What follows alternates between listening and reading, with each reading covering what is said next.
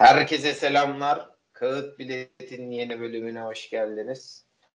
Bugün Özcan Gül'ünle birlikteyiz her zaman gibi. Özcan'cığım hoş geldin canım.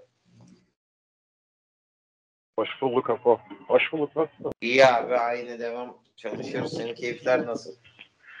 İyi abi koşturmaca. Çok yoğunuz bu aralar. Koşturuyoruz. Anladım Hadi abi. devam edelim. Abi bugün uzun süredir yapmayı planladığımız Bursa Spor özel bölümünü yapacağız. Üç bölüm olarak e, düşündük.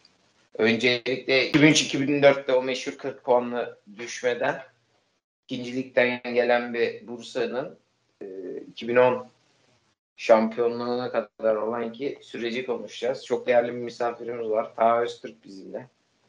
Merhaba. Kendisini Futbol İşten Büyükler kanalından da tanıyoruz. Abi hoş geldin. Nasılsın? Hoş bulduk. İyiyim. Teşekkürler. Sen nasılsın? İyi abi. Ee, şey ya. Buradan Emre'ye de selam olsun sağ olsun. Emre Erdoğan de. Ee, abi direkt girelim diyorum konuya. Ee, bugün gelinen süreci de yaşanan süreci de konuşacağız. Daha önce yaşananları da konuşacağız 2010'lu yıllarda ama şimdi bu 40 puanlı düşülen sezonun hikayesi çok ay, ayrı bir hikaye olduğunu söylemiştim daha önce. Yani herkes hep 40 puan aldı nasıl düştü bu takım diye ele alıyor ama arkada dönen olaylar farklı demiştin. Ee, oradan başlayalım abi bence. Buyur abi mikrofon senin. Başlayalım.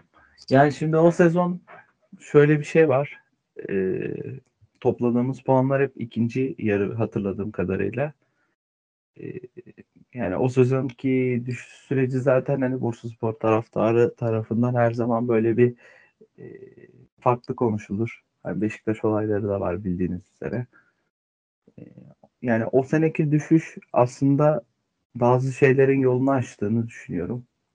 Ee, ben yaş itibariyle maça gitmeye başladığım zamanlar tam böyle 2005-2006'dan sonra hani o zamanlar yaş itibariyle e, yani küme düşme sezonunda maça gitmiyordum. Yaşım da küçüktü. Ama 2005-2006, 2006-2007 hani o sezonlar düştükten sonraki sezonlar hep e, düzenli olarak gitmeye başladım. Maç kaçırmıyordum.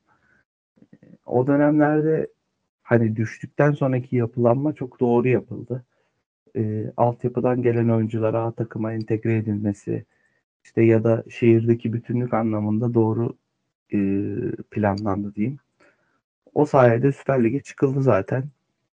E, Süper Lig'e çıkılırken zaten e, ilk çıkılmadıktan sonraki sezon Levent Kızıl geldiği dönemde Levent Kızıl çok e, eli kolu her yere uzanan gerçekten akıllı doğru yönetimi sağlayabilen bir adam.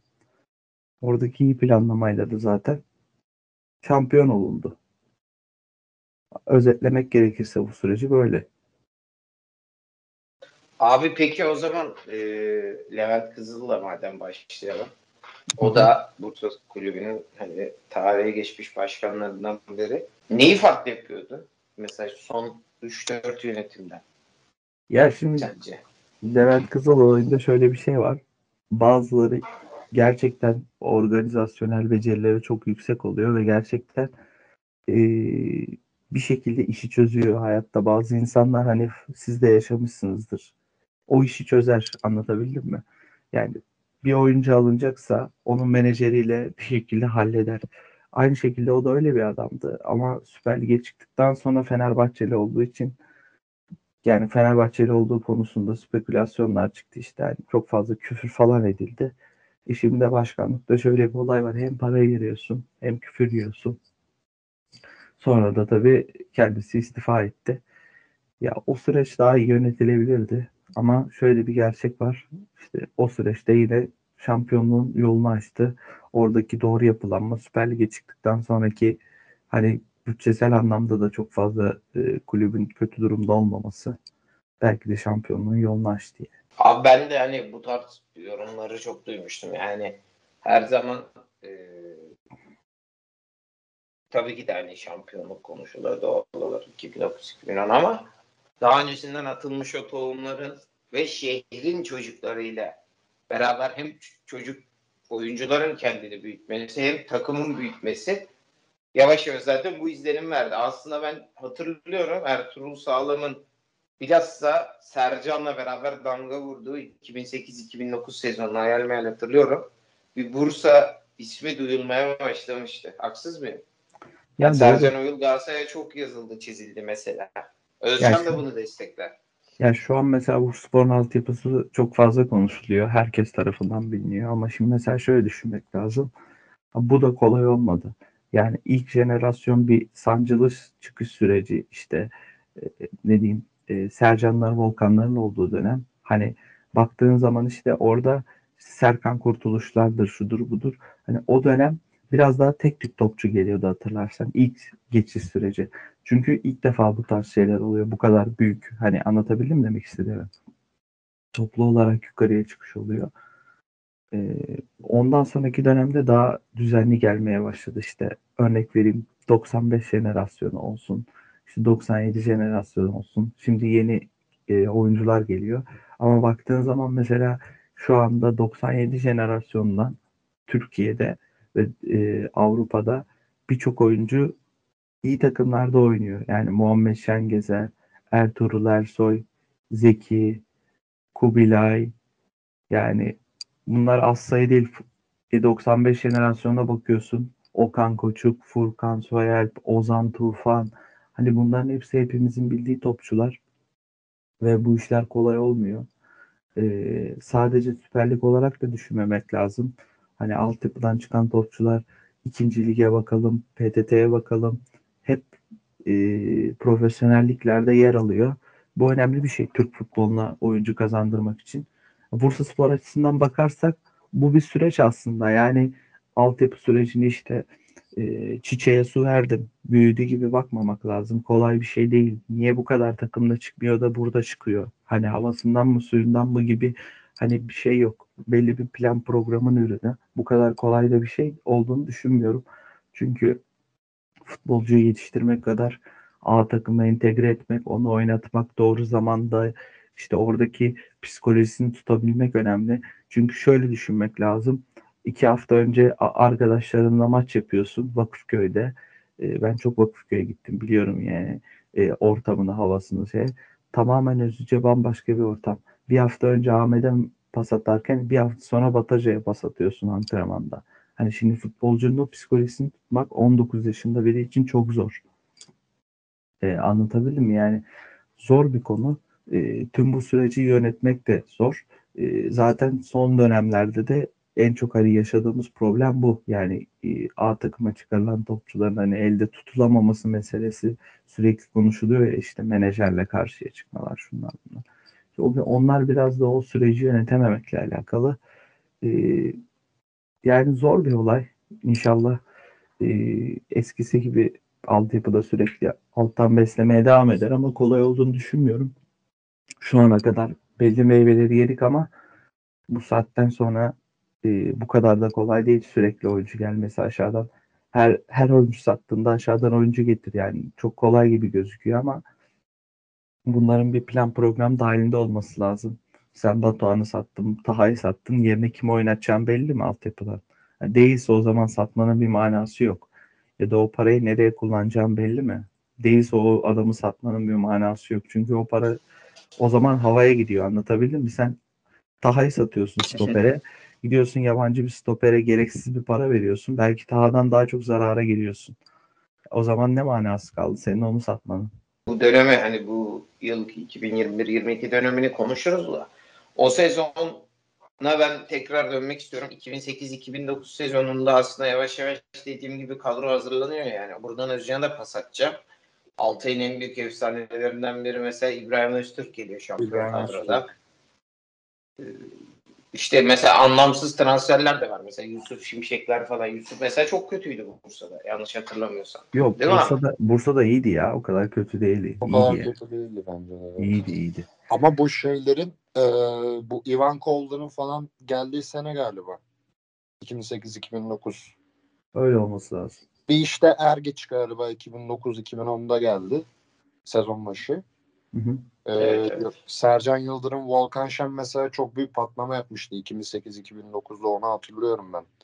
Hatta şu yorumları da hatırlıyorum. Bursa Spor bu yapıyı devam ettirirse Yani birkaç sene içinde kafaya oynayabilecek bir şey var, potansiyeli var. Bunu çok rahat yapabilir deniyordu ama bir anda çok erken oldu. 2009-2010 Ali sonra. falan gelmesi. Ya bizden önce Sivas'ın falan böyle bir işte hani tepeyi deneme şeyleri vardı. Hatırlarsan o Anadolu'nun Evet. şey zamanları. Hani oradan sonra biraz da hani Bursaspor o o yo- açılan yoldan biraz da girdi aslında. Evet. Yani daha önce böyle işte acaba mı olayı çok konuşulmuyordu bildiğim kadarıyla şey takımları için. Hani e, Anadolu takımları için Evet. A- acaba mı acaba işte şey olur mu? Evet. Ama o dönem bir rüzgar vardı. Ben mesela Kayseri Spor falan da çok iyiydi o dönem. İşte Yani o o dönem O biraz daha eski bence. 2007-2008'de evet o 3 yılda Anadolu'da çok yer yerinden oynadı yani. Yani Sivas'ta mesela dediğin çok doğru.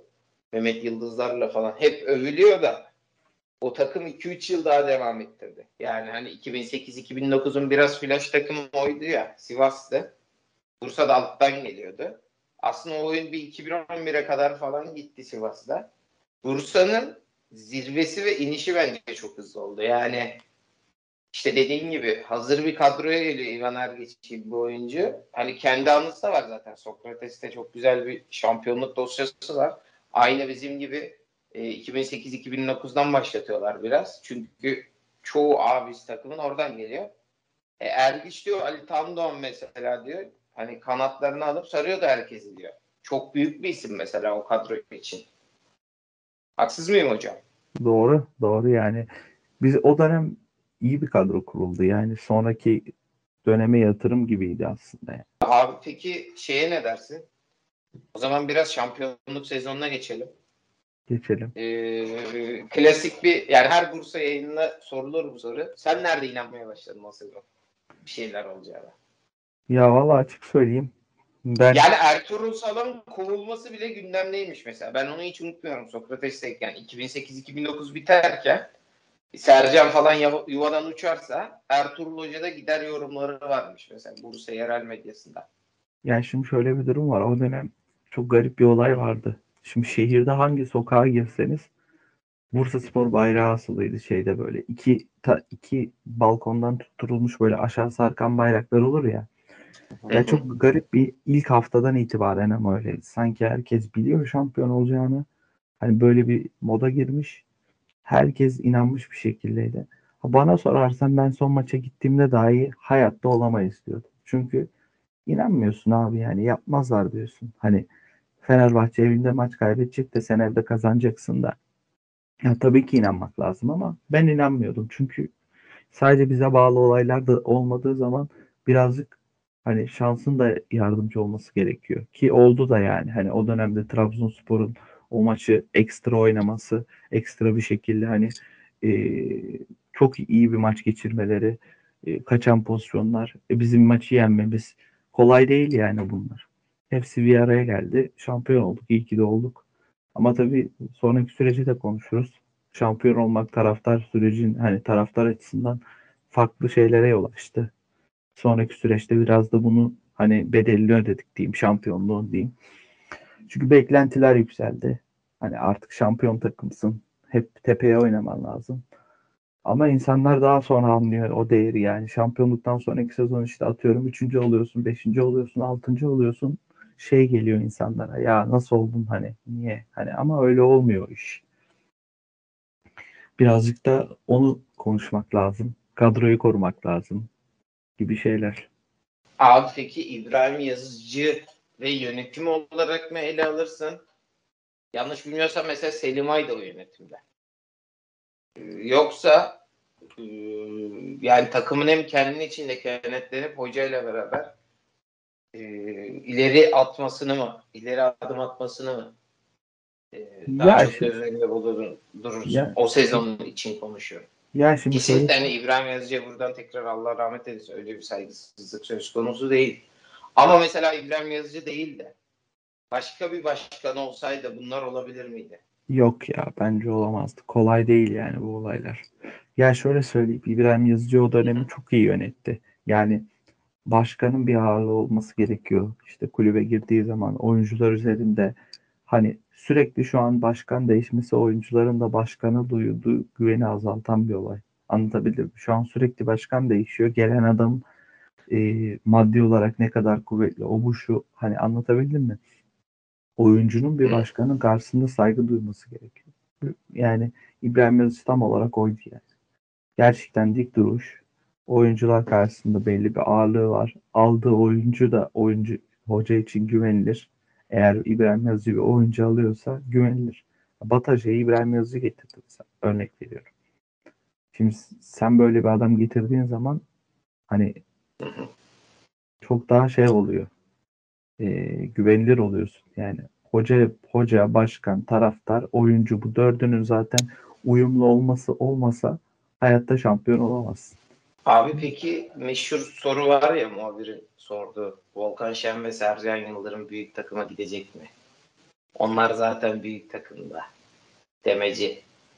Bence o da çok büyük bir ateş. Ben de mesela İbrahim Yazıcı olmasa olamaz diyorum. Zaten çok azdır da. Ya şimdi şöyle ya şöyle bir şey var. Şimdi benim hep söylediğim olay bir oyuncuyu alıyorsan ya da satıyorsan bunun bir plan dahilinde olması lazım. Sen şimdi örnek veriyorum. Sercan'ı sattın 1 milyon euroya. Şimdi sen Sercan'ın yerine altyapıdan oynatacağın oyunu, oyuncuyu hazırlamadıysan ya da Sercan'ın yerine gidip de alakasız bir oyuncuya aynı parayı veriyorsan maaşıyla senin Sercan'ı satmanın bir manası yok. Çünkü sen zaten Sercan'ı denemişsin. Takımda olduğunu biliyorsun. Hani tuttuğunu biliyorsun. Lig, lige uyum sağlamış. Sana katkı sağlıyor. Sen bu oyuncuyu satman hiçbir manası olmuyor. Şimdi bir oyuncu gerçek ederini kulübe yarar sağlayacak derecede para kazandırmadığı zaman gitti, e, satmak yani siz de belki ticaret yapıyorsunuzdur. Aynı olaya geliyor. Elindeki malın değeri 10 lira. Sen bunu 8'e sattığın zaman aa elindeki malı sattım diye sevinmezsin. Hani anlatabildim mi? Çünkü zarar etmişsin aslında.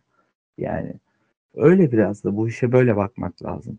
Her oyuncu tabii 3-5 milyon euro eder demiyorum ama bu bedellerin iyi şekilde belirlenmesi, sonraki sürecin de iyi yönetilmesi lazım.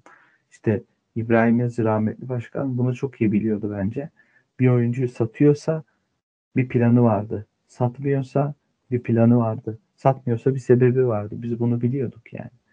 Ama tabii ki işte içeride bazı dengeleri yönetmek zor oluyor. İşte atıyorum sen e, futbolcusun. E, Anadolu takımında 1 milyon TL alırken e, Fener'e Galatasaray'a gidiyorsun 3-4 milyon TL alıyorsun. E şimdi bir de üstüne burada bir ton Bursa'da bazen işte eleştiri yiyorsun, küfür yiyorsun kendi şehrinde. Biraz daha zor olabiliyor. E şimdi oyuncu gidiyor yani atıyorum e, Emirhan Alanya'ya gitti. Yine bu seneden örnek vermiş olacağım ama yani Alanya'daki eleştiri Emirhan'ın umurunda olmaz yani. Anlatabildim mi? Zaten tesiste kalıyorsun şöyle böyle çok fazla hani e, camia baskısı çok fazla yok. Ama şimdi e, kendi içindeki oyuncu altyapıdan çıkan oyuncular da şu anda üstte çok büyük bir baskı hissediyor. Çünkü bir günde tepeye çıkarılıp bir günde yerden yere vuruluyorlar. Bunun da en iyi örneği zaten Batuhan Kör. Dört tane gol attığı maçta yerlere göklere sığdırlamadı. Şimdi gidince herkes diyor ki oh iyi ki gitti kurtulduk elden çıkardık falan yani. Biraz psikolojik olarak da hem oyuncu tarafı hem kulüp tarafını düşünmek lazım. Oyuncu bazı noktalarda kendine göre haklı. Hem maddi konularda e, yani artık şunu beklememek lazım. Bir oyuncu işte e, kulüpte kalsın kaptar olarak 15 sene işte Totti mantığı. Hani bu işler kolay değil. E, hani bu kadar çok eleştiri yerken kulübün hani bu işler kolay değil. Ki aynı olayı Ertuğrul yaşadı. Ee, bizim stoper, kaptan Ertuğrul Ersoy. Yani kaptansın, çok fazla eleştiri alıyorsun. E şimdi sen hem taraftarla uğraşıyorsun, hem kulüp içindeki olaylarla uğraşıyorsun, hem maçla uğraşıyorsun. İyi performans vermen lazım. Çok büyük yük bunlar yani. Kolay işler değil. İşte İbrahim Yazıcı bu süreci çok iyi yönetiyordu. Başkan olarak doğru noktalarda temas edip gerekli hamleleri yapıyordu. Bir oyuncu alınıyorsa da sebebi vardı, satılıyorsa da bir sebebi vardı. Ki zaten şampiyonluk sezonundaki kadro yapılanmasına baktığımız zaman tecrübeli oyuncularla genç oyuncuların karma hali vardı. Yani harmanlanması vardı ve uyum zaten hani bize şampiyonluğu getirdi. Yani baktığın zaman işte e, Ömer Erdoğan, işte e, İbrahim Öztürk bu oyuncular hep böyle gerçekten e, kariyerinde doymuş noktadaydı ve e, buna ek olarak işte Sercan'dır, Volkan'dır, Bekir Ozan'dır hani altyapı temelli oyuncularla e, çok büyük bir başarı yakalandı. Hocam Bataja kaç yaşındaydı o sene? Bataja 26 olması lazım ya. Ya o da aslında bu kategoriye girer. Yani gençti sonuçta. Açlığı vardı Bataja'nın da mesela. Ya girer yani Bataja Bataja tabii ki girer de işte mesela atıyorum Sercan'la Volkan 20 civarlarındaydı yani. Evet. Gerçekten böyle tam verimli zamanları. Ama bakıyorsun defans hattın daha yaşlı yani. İşte 28, 29, 30, Mühendislik, kadro mühendisliği. İşte kadro mühendisliği zaten hani en önemli nokta. Hani sen kadro mühendisliğini yapamıyorsan sonuçta şöyle bir durum var. Sen bir lige başlarken, bir sezona başlarken aslında bir vaatle ortaya çıkıyorsun. Nasıl bir vaatle ortaya çıkıyorsun? Bir kulübün geliri var, gideri var. Gelirinin en büyük bölümünde senin o ligdeki yakaladığın başarı sağlıyor. Atıyorum 5. olduğunda aldığın parayla 15. olduğunda aldığın para arasındaki açıklık zaten bütçeni belirliyor. Sen şimdi 5. olacağını vaat ederek lige başlıyorsun.